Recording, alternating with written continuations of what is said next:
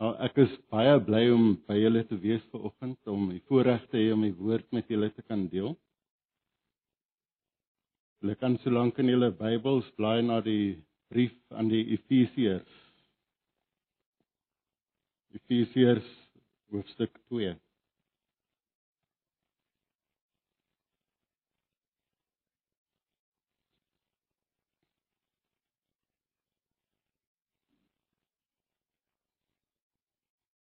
Maar voor ons lees, kom ons bid net saam.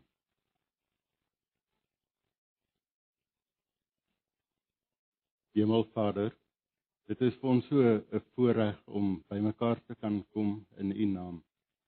Om bymekaar te kan kom en die voorreg te gebruik om U woord oop te maak en daaruit te kan leer. Ons vra asseblief dat U Uself sal verheerlik in ons midde vanoggend deur U woord dat U ons sal versterk, dat U ons gedagtes sal rig om te verstaan en dat as ons hier weggaan dat ons dit sal kan doen verryk deur die woord. Ons vra asseblief dat U dit sal doen ten spyte van elkeen van ons, van wie ons is met ons menslike gebreke. Maar dat U sonder U sonder enige gebreke in U dat U die werk sal doen in ons harte. Ons vra dit in Jesus naam alleen. Amen. Efesiërs hoofstuk hoofstuk 2. Ek gaan lees vanaf vers 11 tot vers 22. Daarom onthou dat julle wat vroeër heidene in die vlees was en onbesnedenis genoem word deur die sogenaamde besnydenis wat in die vlees met hande verrig word dat julle in die tyd sonder Christus was vervreemd van die burgerskap van Israel en vreemdelinge ten aansien van die verbonde van die belofte sonder hoop en sonder God in die wêreld maar nou in Christus Jesus het julle wat vroeër ver was naby gekom deur die bloed van Christus. Want hy is ons vrede Hy wat albei een gemaak het en die middelmuur van skeiding afgebreek het, deurdat hy in sy vlees die vyandskap tot niet gemaak het, naamlik die wet van gebooie wat in insettinge bestaan, sodat hy deur vrede te maak die twee in homself tot een nuwe mens kon skep en albei in een liggaam met God kon versoen deur die kruis nadat hy daaraan die vyandskap doodgemaak het en hy het die evangelie van vrede kom verkondig aan julle wat ver was en aan die wat naby was. Want deur hom het ons albei die toegang deur een gees tot die Vader. So is julle dan nie meer vreemdelinge en bywoners nie, maar medeburgers van die heiliges en huisgenote van God. Gebou op die fondament van die apostels en profete, terwyl Jesus Christus self die hoeksteen is in wie die hele gebou goed saamgevoeg verrys tot 'n heilige tempel in die Here in wie julle ook saam opgebou word tot 'n woning van God in die Gees tot sover. Uh, in hierdie komende weke gaan ons oorval word en word ons al reeds oorval met alle allerlei dinge wat verband hou met Kersfees. In die sekulêre wêreld of in enige winkelsentrum waar jy inloop, is jy oorval met blink liggies wat ons aandag probeer trek. Maar dit trek nie die aandag na Christus nie. Dit trek die aandag na na mense se behoefte om om goed te wil koop. So wat ek wil wil hê is dat ons in hierdie tyd moet dink en onthou oor wat Christus gedoen het. Dat Kersfees vir ons sal gaan oor dit wat Christus gedoen het, die rede hoekom hy gekom het. Dat dat ons nie in hierdie tyd vasgevang sal word met blink liggies of miskien dat ons gedagtes gedryf sal word van die volgende groot familiebyeenkoms nie of dalk ons vakansieplanne of kan ek dit nou al noem. Volgende jaar se probleme. Volgende jaar se skoolplanne, waar gaan ons universiteit toe? Wie wat gaan die kinders moet doen? Al hierdie tipe van dinge kan ons aandag so maklik aftrek. En veral hier in Desember tyd in Suid-Afrika is dit 'n tipiese ding, vakansietye en en ons aandag word weggevat van Christus af en en volkome gerig op hierdie wêreld en die dinge van die wêreld. So wat ek wil hê ons moet doen is na aanleiding van hierdie gedeelte uit Efesiërs moet ons 'n bietjie onthou. Onthou wat het Christus gedoen? So ek wil dit vir ons uitlig in in drie hoofidees. Die eerste idee wat ons moet onthou is wat is mense se toestand sonder Christus? Wat wat is wat was ons as ons nou gelowiges is? Wat was ons voordat ons gelowiges geword het? En dan wil ek hê ons moet dink aan hoe hierdie toestand verander het. Wat het Christus gedoen wat dit nou anders gemaak het? Wat het hy anders gemaak in ons lewens? En dan derdens wil ek hê ons moet dink aan wat is die implikasies dan van Christus se koms na die wêreld? As ons in hierdie Kerstyd dan kyk dat ons dit aan die lig van van hierdie hierdie dinge wat die woord ons leer ook sal doen. So kom ons kyk dan na die eerste punt. Ons sê Kersfees is 'n tyd om te onthou wat was ons voorheen. Nou ek lees vir ons vers 11. Daarom onthou dat julle wat vroeër heidene in die vlees was en onbesnedenis onbesnedenis genoem word deur die sogenaamde besnydenis wat in die vlees met hande verrig word. Onthou, laat ons hierdie dinge onthou. In die lig van die verlossing wat bewerk is, is dit is dit goed om te onthou. Paulus sê vir ons daarom onthou. Dit dit dit volg na die vorige gedeelte in hoofstuk 2 van vers 1 tot 10 wat praat uit ons verlossing wat gebeur het uit genade. Uh ek lees vir ons vers 8, want uit genade is jy gered deur die geloof en dit nie uit jouself nie. Dit is die gawe van God. So op grond van hierdie dinge, hierdie realiteit wat gebeur het van verlossing, laat ons dan nou onthou. Daarom onthou sê Paulus hier vir ons in vers 11 So die verlossing is bewerk. Stap ons nou net vorentoe en en sê ons vergeet alles wat agter ons is. In 'n mate ja, Paulus sê ook hy hy alles wat agter hom is is is vir hom of tel hy basies as niks nie vir die voorreg om vir Christus te ken. So in 'n mate vergeet ons van dit wat ons was, maar in 'n mate moet ons ook onthou Ons moet onthou wat ons was want Christus het iets vir ons gedoen. Dit is nie maar net 'n toevallige ding wat gebeur het en nou kan ons maar net aangaan nie. So dit doen ons goed om te onthou. En ons moet onthou wat ons was. Nie om weer terug te gaan soontoe nie, maar om 'n groter besef te hê van dit wat wat Christus wel bereik het. Dit wat hy nie net bereik het 2000 jaar terug vir die mense van daai tyd nie, maar wat hy bereik het ook vir my en vir jou vandag. So wat wat moet ons onthou? Kom ons kyk weer wat sê vers 11. Onthou dat julle wat vroeër heidene in die vlees was. Kom ons dink net 'n bietjie oor hierdie idee van heidene in die vlees. Hy praat hier van onthou wat ons was as natuurlike mense, gefalle sondige mense, mense wat nie geestelik geleef het nie, mense wat geleef het tot wat hierdie liggaam vir ons beteken, mense wat leef vir vir die nou en vir die voordeel wat ek nou vir myself hier kan uitkry. Onthou dit, onthou ons was dit gewees. Onthou ook dat ons was onbesnedenis. Nou Hier is 'n spesifieke klem op die verskil tussen tussen die heidene nasies geweeg teenoor Israel. God se volk.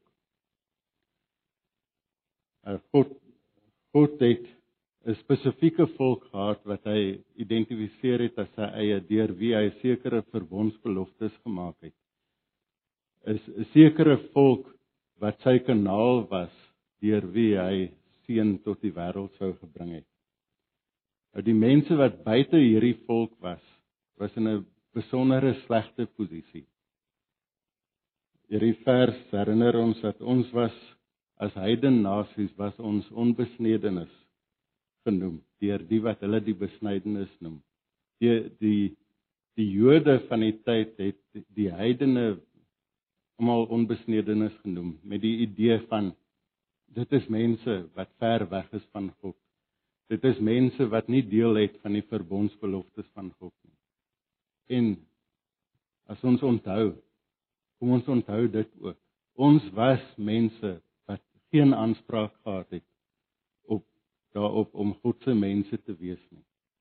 Ons was mense verwyderd van God wat nie eens naby kon gewees het in die sin soos wat die Jode kon gewees het deurdat daar 'n stelsel was waar waardeur hulle nader tot God kon gekom het nie. Nou nie alle besnedenis is Israeliete nie. Uh daar was gebruike soos wat ons in ons dae ook gebruike het van van volke wat uh wat beoefen om besnydenis toe te pas op op die mans. So dit, dit is nie 'n ding wat net wys oor 'n uiterlike teken nie. Uh maar dit is 'n ding wat wys op daai belofte wat aan Abraham gemaak was wat hele sal of die mense van Israel, die afstammelinge van Abraham eintlik sal dan kinders van God wees. Maar wat ons moet sien ook hier is in vers 11 is dis die sogenaamde besnydenis wat in die vlees met hande verrig word die wat hulle die besnydenis genoem het, die Jode. Dit was 'n aksie wat gedoen was deur mense op mense wat met hande gemaak is. So daai daai uiterlike voordeel van die volk van God wees wat die Jode gehad het. Dit dit was 'n besondere voordeel in die eerste plek, maar maar die teken daarvan, die besnydenis teken daarvan was 'n uiterlike teken wat deur mense gedoen is. Die dit was veronderstel om 'n verbondsteken te wees, om om 'n uiterlike teken te wees wat wys hulle is deel van die verbond, wat hulle hulle self onderhewig maak ook aan die eise van die verbond. As ons blaai na Romeine hoofstuk 4 in vers 11, dan kan ons so ietsie sien van hierdie besnydenis wat met hande gemaak word. Romeine 4 vers 11 ek lees vir ons. Hierdie gedeelte gaan gaan oor 'n verhandeling oor Abraham. En hy het die teken van die besnydings ontvang as 'n seël van die geregtigheid van die geloof toe hy nog nie besny was nie. Dat hy die vader sou wees van almal wat glo terwyl hulle onbesnede is sodat ook aan hulle die geregtigheid toegereken sou word. So so hierdie besnydenis was 'n teken wat vooruitgewys het na verlossing, na 'n teken wat vooruitgewys het na inbring in die volk van God. En en dit is 'n 'n teken wat dan verband hou met geloof hê in God. Ook in die brief aan die Kolossense verwys Paulus na die ware besnydenis. Ek wil dit ook vir ons lees Kolossense 2 vers 9 tot 11. Want in hom woon al die volheid van die God liggaamlik. En julle het die volheid in hom wat die hoof is van alle owerheid en in en mag. In wie julle ook besny is met 'n besnydenis wat nie met hande verrig word nie deur die liggaam van die sondige vlees af te lê in die besnydenis van Christus. Vir die die ware besnydenis wat ons na na sal kyk dan is hierdie besnydenis in Christus om deel te hê aan die voorregte en die beloftes wat wat God gemaak het aan Abraham deur dit deur daai deel te hê in Christus. So die die Ou Testamentiese Jode, die die Israeliete het nie ten volle hierdie gehad nie. So so as as ons onthou dat ons heidene nasies was, dat ons afgesonder was van hierdie spesifieke verbondsbeloftes, dat ons onbesnedenis was, dan kan die Jode nou miskien dalk aanspraak maak en sê maar ons was die besnydenis. Deur deur te sê ons het hierdie verbondsteken, ons dra hierdie verbondsteken, verbondsteken. Ons is deel van God se volk. Maar die ware besnydenis is die besnydenis in Christus. So so die besnydenis was ook net 'n teken wat vooruitgewys het na Christus. So selfs die Jode is hier in 'n situasie wat hulle nie tot hierdie volheid van die besnydenis in Christus toegang gehad het nie. Maar wat moet ons verder onthou? So eerste onthou ons dat ons onbesnedenis was, dat ons in die vlees was dat ons afgesonder was van God se volk. In hoofstuk 2 vers 12 gaan verder dan en sê dat julle in die tyd sonder Christus was. Ons het geen hoop gehad op 'n verlosser nie. Christus was 'n belofte wat aan aan die Joodse volk gemaak is. Christus sou deur die saad van Dawid gekom het. Die heidene nasies en En ek neem aan ons almal hier kom eintlik maar van heidene nasies af. Ek is nie seker of hier enige Jood onder ons is nie. Maar maar ons het nie van nature deel aan enige van hierdie voorregte nie. So nou met Kerstyd kom ons onthou dat op 'n stadium was ons sonder Christus. Ons het nie 'n verlosser gehad. Daar aan aan ons as heiden nasies was daar nie hierdie direkte belofte nie. Daar was 'n belofte aan Abraham dat God deur Abraham die al die nasies in die wêreld sal seën. Maar ons het nie daai direkte deel gehad nie want die verlosser was nog nie daar nie. So, so voor Christus, voor Christus gekom het aarde toe was die toestand van ons almal eintlik een wat sonder hoop is. Vervreemd van die burgerskap van Israel van vers 12 aan. Die burgerskap in, in die Engelse vertaling word vertaal met commonwealth. So dit is nie net 'n gewone soos wat ons burgers is van Suid-Afrika nie. Maar dis 'n dit hou verband met die idee dat ons voordele trek uit hierdie burgerskap uit. As ek dink aan ons tyd in Malawi, was ons buitelanders gewees.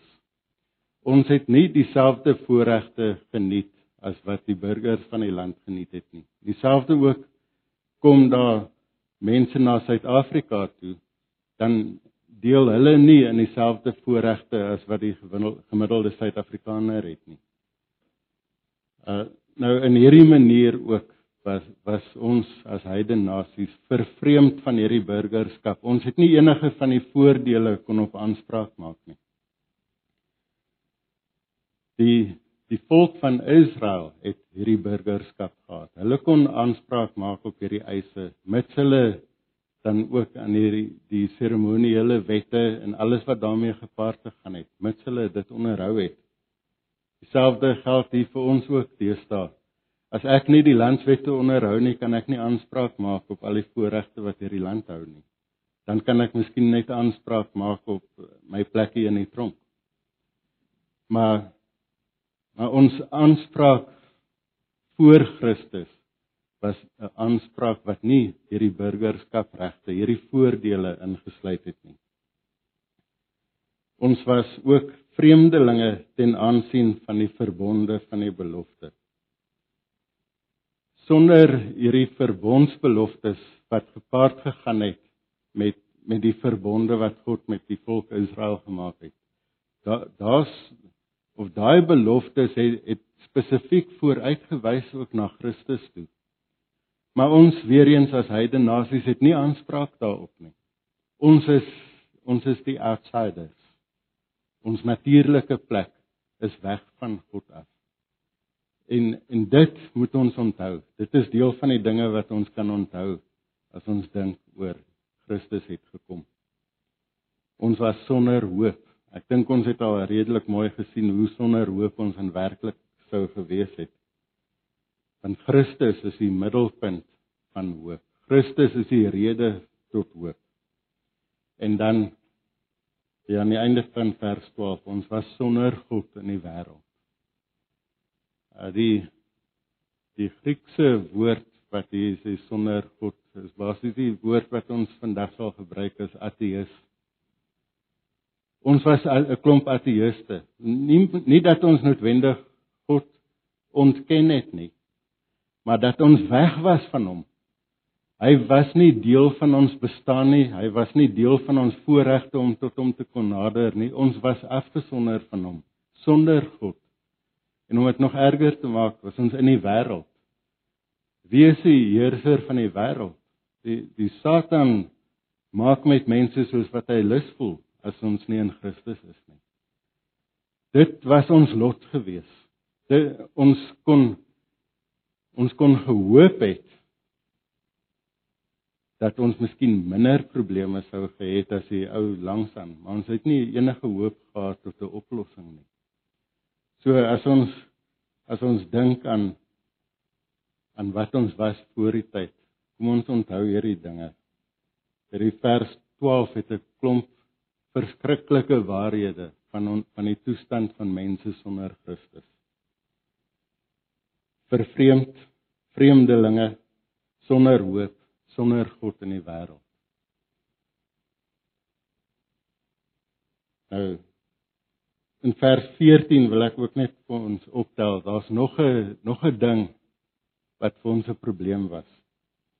Ek lees in vers 14 want hy is ons vrede hy wat albei een gemaak het en die middelmuur van skeiding afgebreek het. Wat ek net wil opwys is hierdie middelmuur van skeiding. Ons het hierdie hierdie muur van skeiding gehad. Nie net was mense of is mense vandag nog sonder Christus nie, sonder God en sonder hoop en vreemdelinge nie. Maar vers 14 herinner ons ook daaraan dat daar as dit ware 'n muur is wat ons skei van God. Uh die muur wys ook op die skeiding tussen Israel en die heidene nasies. Maar die muur van skeiding is ook 'n skeidingsmuur wat ons weghou van God af. Nou wil nog 'n illustrasie gebruik uit Malawi uit. Maar in Malawi is daar derduisende of miskien self miljoene mense wat in hulle tuis village gebore word. Hulle word daar groot.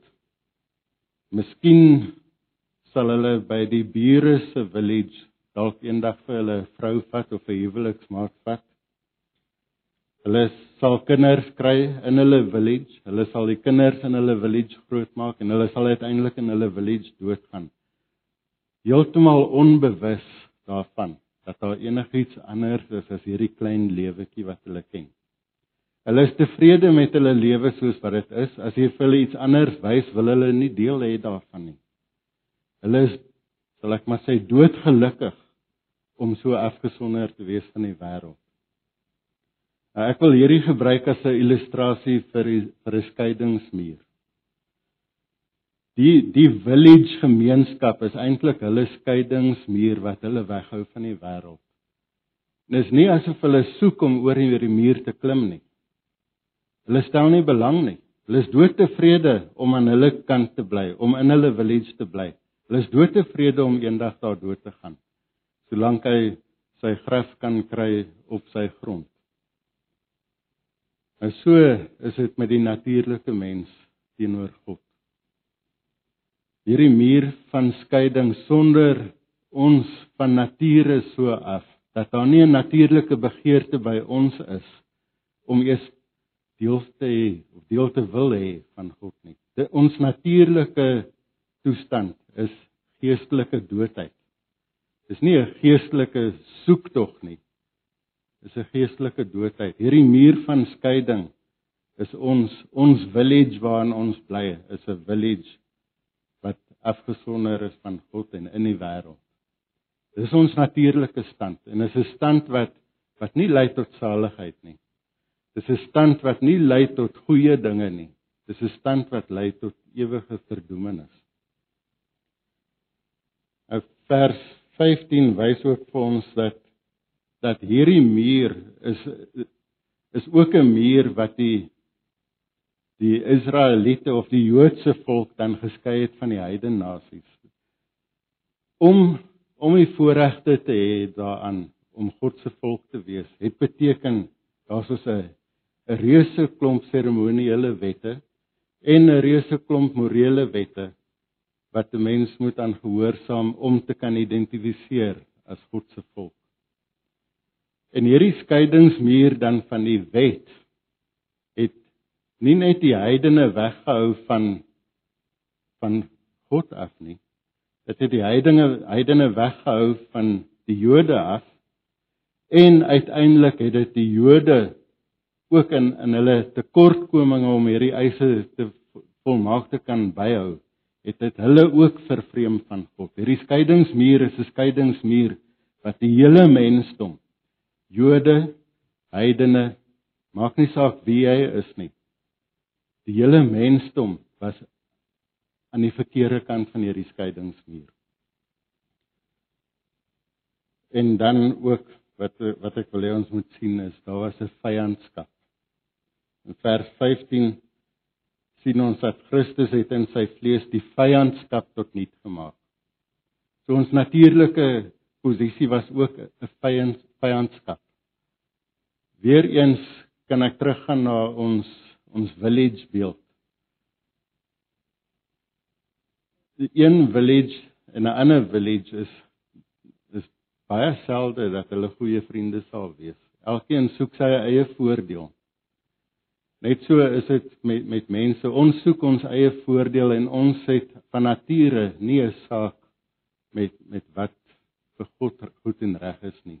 Van nature gaan dit oor wat is daarin vir my? Wat wat se voordeel het ek? Hoe kan my optrede en hoe kan jou optrede vir my bevoordeel? En dit maak vir vyandskap in ons natuurlike posisie teenoor God was dan nie van 'n neutrale party wat daar aan 'n kan die muur bly nie. Dit was 'n 'n posisie van vyandskap teenoor God. Nou, as ons as ons dink aan al hierdie dinge, dan is dit maar 'n donker prentjie. Dit is dit is 'n 'n probleem 'n status wat mense van nature in is wat dit, dit is te neerdrukkend As 'n mens lank daaroor gaan dink en wil 'n mens regtig waar sommer huil. As as mens dink aan miljoene mense wat vandag nog so afgesonder is van God. Wat vandag nog agter daai skeidingsmuur is. Al is die muur afgebreek, stel hulle nie belang eens om om te wil inkom nie. Of weet hulle nie eens van die moontlikheid om te kan inkom nie. Dit is 'n hartseer saak as ons onthou wat ons was. En as ons onthou wat wat baie mense vandag nog is. Miskien is hier in ons midde vandag mense wat vandag nog aan 'n kant daai skeidingsmuur is. Ah, dit is nie al wat ons moet onthou nie. As ons net aan hierdie hierdie onthou van wat ons was gaan dink dan kan ons maklik by 'n punt van mismoedigheid kom. Maar genade op genade, God het dit nie daar gelos nie. Ons kan ook onthou van wat Christus wel gedoen het. As ons as ons dan dink dat die Messias het voortgekom uit die Joodse volk uit. Hy het gekom, hy het volbring al die beloftes wat daar was. Al die verbondsbeloftes is vervul. Daai toestand, daai vreeslike toestand wat ons nou van gepraat het, is 'n toestand wat nie meer noodwendig ons lot hoef te wees nie. So Kersfees is dan ook 'n tyd om te onthou dat hoe staan sake nou. Nou, ek wil weer vir ons uit so 'n paar van die verse net 'n paar dinge uitlig. Vers 13 Maar nou in Christus Jesus het julle wat vroeër ver was, naby gekom deur die bloed van Christus. In in Christus en in Christus alleen is is hierdie vreemdheid nou nie meer 'n noodgedwonge saak nie. In sy bloed wat hy betaal het met sy lewe in, in daai bloed, in daai offer, daai volmaakte offer is hierdie realiteite van vers 11 en 12 nie noodwendig meer ons lot nie. Ons het naby gekom. Ons en die wat nog nie naby gekom het nie. Ons kan naby kom. Christus het deur sy bloed die volle prys betaal wat nodig was voordat mense tot God kan nader. Hierdie hierdie skeidsmuur is afgebreek. Die eise van die wet is voldoen. Dit is nie net weggevee nie, maar dit is voldoen. In Christus en deur sy lewe het hy ook betaal vir vir my en vir jou se gebrek daaraan om dit volkome te kan doen. Vers 14 sê want hy is ons vrede. Hy wat albei een gemaak het en die middelmuur van skeiding afgebreek het. Die vyandskap wat tussen mens en God bestaan het, hoef nie meer, hoef nie vandag nog te bly bestaan nie. In wat in dit wat Christus gedoen het, dit wat hy volmaak gedoen het, is daai skeidingsmuur afgebreek. Dit is nou nie net 'n geval van dat ons in 'n Suid-Afrika situasie kom ons breek al die heininge af nie, laat almal maar kom en gaan soos hulle wil. Ons enigste roete nog steeds is deur Christus. Die skeidingsmuur is afgebreek, ja, maar ons kan steeds net in Christus tot God nader. Die eise van die wet is daar as jy nog self op jou eie krag, op jou eie stoom by God wil uitkom en ek is bevrees dan gaan vers 11 en 12 se waarhede vir jou geld. Maar in Christus deur sy bloed is hierdie vyandskap tot niet gemaak. Ons wat vroeër ver was, kan nou naby wees. Ons wat voorheen vyande was, kan nou in vrede wees. Die vyandskap wat wat Christus tot niet gemaak het. Sê vers 15 is die die wet van gebooie wat in insettinge bestaan sodat hy deur vrede te maak die twee in homself tot een nuwe mens kon skep. Die vyandskap is net in Christus weggevat. Dit is nie weggevat net soos in totaal dat dit is nie meer nodig nie.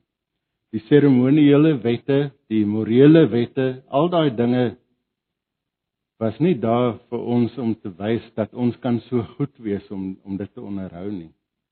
Dit het ons gewys dat ons is so vrot en ons kan dit nie onderhou nie. Ons kan nie op eie stoom versoening bewerk met God nie. Want want ons is vreemdelinge, ons is vyande van natuur. Maar in Christus kan ons naby kom. Kom ons dink so 'n bietjie oor vrede. Ons Ons hoor dikwels in vandag se nuus dat hier is daar samesprekings om vrede te bewerk tussen twee volke, miskien tussen tussen Israel en die Palestynë is daar nou samesprekings of wat ook al. Maar daai daai sogenaamde vrede hou net totdat die eerste ou weer 'n geweer in die hande kan kry. Dis 'n vrede wat nie uit die hart uitkom nie. Dis 'n vrede wat nie nie mense in hulle wese verander het nie. Dis 'n oppervlakkige vrede. Maar die vrede in Christus is anders. Die vrede in Christus is 'n vrede wat tot ons harte deurdring. Want al daai vrotheid wat ons voorheen was, het Christus nuut gemaak. Vir ons om tot God te kan nader, moet ons as as nuwe skepsels kom. Al die ou dinge het verbygegaan. As daai nuutheid nie gemaak is nie, as daar nie 'n 'n volle toewyding en 'n volle behoort aan God gebeur het nie, dan is ons nog steeds vreemdelinge ten spyte daarvan dat dit moontlik is om te nader tot God. So praat ek miskien met jou vandag wat wat 'n hart het wat nog steeds ver van God af is. Die Malawiërs het hierdie spreekwoord gehad vir gewoonlik as hulle wou gehad het jy moet iets doen dan sal hulle 'n hengse toespraak lewer. En dan sal hulle sê and your time is now. Dis nou jou tyd, dis nou jou kans om iets vir ons te kan doen wat hulle gewoonlik daarmee bedoel. Maar as ons dink aan hierdie realiteit van van Christus, die realiteit van wat ons as natuurlike mense is sonder hom, dan wil ek ook vir julle sê, your time is now. Doen nou iets daaraan. Nou is ons kans. Nou is ons kans om deur te loop deur hierdie hierdie skeidingsmuur wat afgebreek is deur in Christus tot God te kan nader. Nou is ons tyd. Ons het 'n nuwe identiteit nodig. Vir vir dit om te kan gebeur sal ons identiteit dan nou nie meer gekoppel wees aan dit wat ons was nie. Maar ons identiteit sal gekoppel wees aan dit wat ons nou is in Christus. Dit daai toegang wat ons het. Hy is ons vrede. Hy het die vyandskap weggevat. Hy het die skeidingsmuur afgebreek. Hy het ons saamgevoeg tot een mens deur en hierdie een nuwe mens kan dan tot God nader. Nou ek wil net die, ons moet 'n bietjie bietjie dink dan ook aan hierdie nuwe identiteit van ons. Die die implikasies daarvan dat Christus gekom het. Die implikasies daarvan dat vrede gemaak is, die implikasies dat vyandskap weg is, die implikasies dat ons nuut gemaak kan wees. So ek wil net so 'n paar opmerkings maak oor die laaste paar verse van die hoofstuk en dan wil ek net 'n paar toepassings ook vir ons maak. Nou deur Christus se versoeningswerk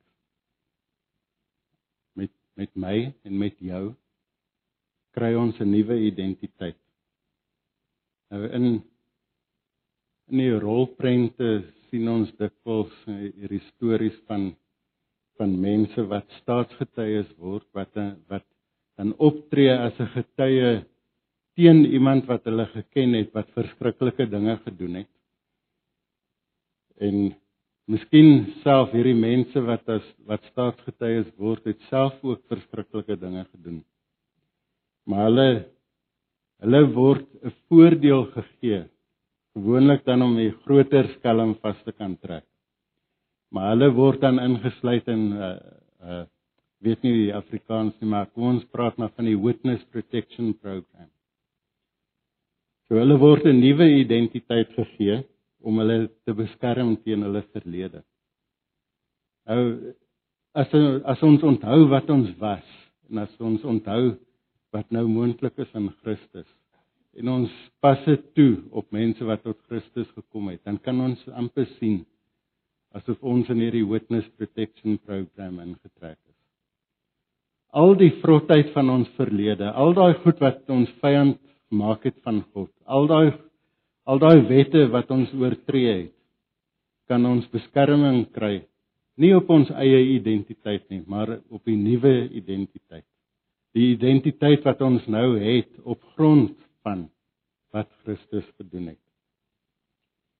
So my my voordeel in Christus is hierdie nuwe identiteit wat al hierdie ou dinge dan verby is en ek kan vorentoe stap met die met die wete dat ek is 'n nuwe mens wat deur God nuut gemaak is. 'n Nuwe mens wat in Christus in vrede met God kan leef. 'n nuwe mens wat nie hoef te vrees van wanneer gaan my verlede met my opvang ten opsigte van God nie.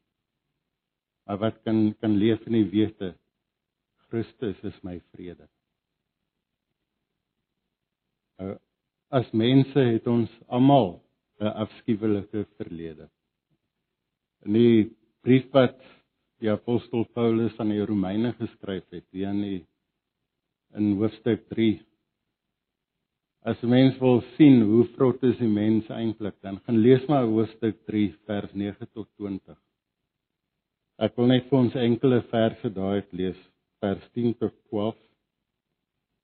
Soos geskrywe is, daar is niemand regverdig nie, self nie een nie. Daar is niemand wat verstandig is nie. Daar is niemand wat God soek nie. Hulle het almal afgewyk saam het hulle ontaard. Daar is niemand wat goed doen nie. Daar is selfs nie een nie. En dan vers 23 van dieselfde hoofstuk. Want almal het gesondig en dit ontbreek hulle aan die heerlikheid van God. Voor God staan ons almal skuldig. Maar in Christus kry ons daai nuwe identiteit. In Christus kan ons aanspraak maak nie op onsself nie, maar op sy sy identiteit. Wie hy is: verlosser, vredemaker, versoener. Here, ons kan aanspraak maak op daai nuwe identiteit in hom. Die, realiteit dan is ons is beskerm teen hierdie waarheid ook wat Romeine 3 vir ons wys. En in vers 20 wil ek dit ook vir ons uitwys dis ons is uh ek lees vir ons van vers 19 soos julle dan nie meer vreemdelinge en bywoners nie maar medeburgers van die heiliges en huisgenote van God gebou op die fondament van die apostels en profete terwyl Jesus Christus self die hoeksteen is. So hierso hierso is 'n paar beelde vir ons. Beeld in die eerste plek van dat ons nou nie meer vreemdelinge en bywoners is nie, maar huisgenote. Dat dat ons medeburgers is. Onthou ons het voorheen gesê ons het nie burgerskap nie. Ons het nie daai voorregte nie. Nou in Christus is ons medeburgers. Ons het die volle voorregte. Ons is huisgenote. Ons bly in die huis van God. Ons is deel van God se huishouding die die realiteit van hierdie nuwe identiteit bring ons nie net naby nie. Ons is nie nou net vreemdelinge wat naby gekom het nie. Ons is nou familie. En ook is ons nie net familie nie. Die die beeld wat wat Paulus hier gebruik gaan aan. Hy sê gebou op die fondament. Ons is 'n gebou wat opgerig word op 'n fondament op basiese beginsels op dit wat God vir ons bekend gemaak het deur sy woord. Die fondament van die apostels en profete terwyl Jesus Christus self die hoeksteen is. As mense net dink aan 'n gebou sonder 'n fondament. Ek het van hulle al gesien. Veral daar in Malawi kry jy hierdie modderhuisies wat gebou word en dit reën baie daar. Die modder is nie 'n baie veilige 'n veilige huis om in te bly as dit baie reën nie. Maar kom jy weer by jou huis, dan is hy afgeskuif na die bure toe. Die die modder gly maar net so saam met met die helling. Maar ons is nie van daai huise nie. Ons is 'n huis wat gebou is op 'n fondament. Die fondament van die waarheid van God se woord. Ons gaan nie net weer uitgeskuif word nie. Dit is nie net 'n ding wat o, ons het nou hoeps hier 'n nuwe huisie gebou en kom volgende jaar terug en sê o nee, die huisie het weggespoel. Ons is gebou op 'n fondament wat sterk staan waarvan Jesus Christus self die hoeksteen is. En wie vers 21 en wie die hele gebou goed saamgevoeg verrys tot 'n heilige tempel in die Here. So ons is nie net 'n gebou nie, maar ons is 'n tempel. Tempel is die woord wat ons gebruik om te beskryf waar God woon. God woon nou by ons. In Jesaja lees ons dat die die maagd sal geboorte skenk aan 'n seun en sy sal hom noem Immanuel, God met ons. Daai realiteit is in Christus waar. God is met ons. Nie net is ons nie meer vreemdelinge nie. Ons is nou familie. Nie net is ons familie nie. Ons is nou die woonplek van God. Daar daar's 'n reusagtige voordeel wat hier in vir ons lê. Wat nie net 'n naby gebring word is nie, maar wat daai realiteit is van ons is ten volle elke oomblik van die dag in God se teenwoordigheid. Hy is met ons. En dit is Dit is fantasties om dit te bedink, veral as 'n mens onthou wat ons was voor die tyd. Sonder Christus, sonder hoop, sonder God in die wêreld, vreemdelinge. Geen aanspraak op die op die verbondsbeloftes nie. Nou wat het gebeur? Christus het gekom en hy het hierdie dinge alles moontlik gemaak tot fantastiese wonderlike nuwe voorregte vir ons. So kom ons dink net aan aan so 'n paar toepassings. In die eerste plek wat beteken dit en wat kan dit vir ons beteken as ons onthou? As ons onthou waaruit ons gered was, dan is dit 'n natuurlike beskermingsmiddel teen hoogmoed. As ons onthou die vrotheid wat ons was, dan kan nie een van ons hier aanspraak maak en sê ek is daarom so goed en so ordentlik dat dat God 'n plan met my gemaak het nie. Ons was niks. Ons was sonder God. Daar was daar is niks in my wat vir my hoogmoed kan gee ten opsigte van my nuwe posisie in God nie ons sal ook 'n groter waardering hê deur keer op keer te onthou wat ons was en te onthou wat Christus gedoen het. Ons sal 'n groter waardering hê vir ons verlosser. As ons onthou waartoe hy ons gered het, wat hy ons gemaak het.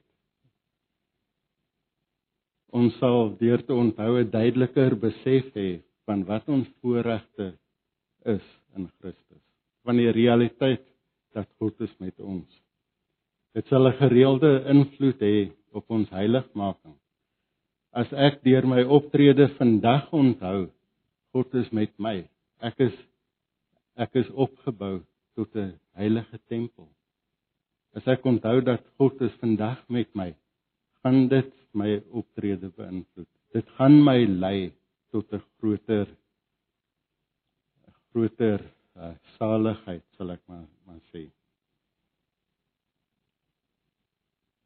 Ons dink ook aan al die voordele wat in die Ou Testament aan Israel behoort het wat nou ten volle in Christus ons realiteit geword het. Tot watter mate het jy daaraan deel? Tot watter mate leef jy vandag en ek vandag oomblik tot oomblik met die wete dat ek met deur my versoener, deur my verlosser met my Skepper uh, herenig is. Dat dat ek versoen is met met God wat my gemaak het. Tot watter mate dink ek daaraan?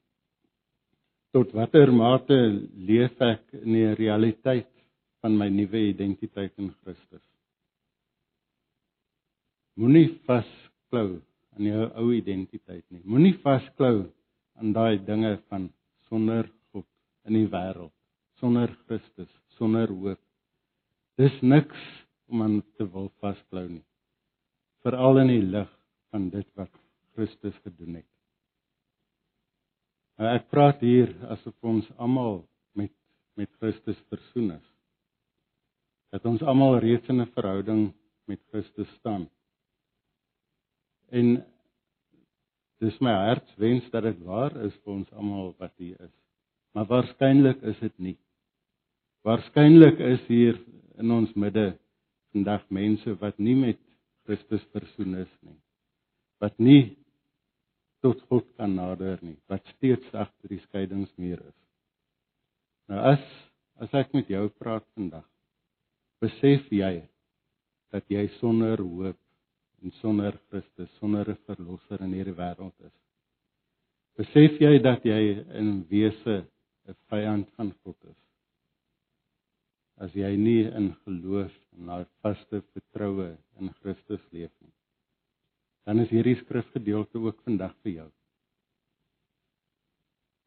Ek wil jou weer herinner na spreekwoord wat die Malawiërs gebruik. Now is your time. Vandag is jou kans om iets daaraan te doen. Vandag is jou kans om na hierdie wonderlike verlosser te kom. As die woord tot jou spreek vandag, maak geleentheid gebruik. Kom nou. Kom en gryp ons vrede aan. Jesus Christus is ons vrede. Ek sluit dan af met die gedagte dat dit is Kerstyd. Dis 'n ideale tyd om te onthou dat ons 'n verlosser het. Dis 'n ideale tyd om te dink oor wat ons verlosser gedoen het. Dan in hierdie dae en in hierdie weke wat voorlê, gaan dan nou en leef voluit in jou nuwe identiteit. En as jy nog nie hierdie nuwe identiteit het nie, nou is jou kans. Amen.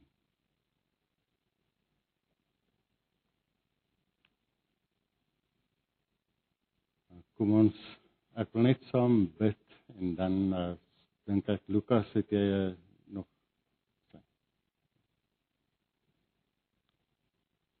Vader as ons kyk na u woord as ons die realiteite raak sien van wat ons verlosser Christus gedoen het wil ons u naam groot maak ons vra dat u die waarhede sal vasmaak in ons harte dat ons die res van die dag en in die dae wat voorlê dit sal oordink en u sal loof en prys daarvoor. Ons bid dit in Christus naam. Amen.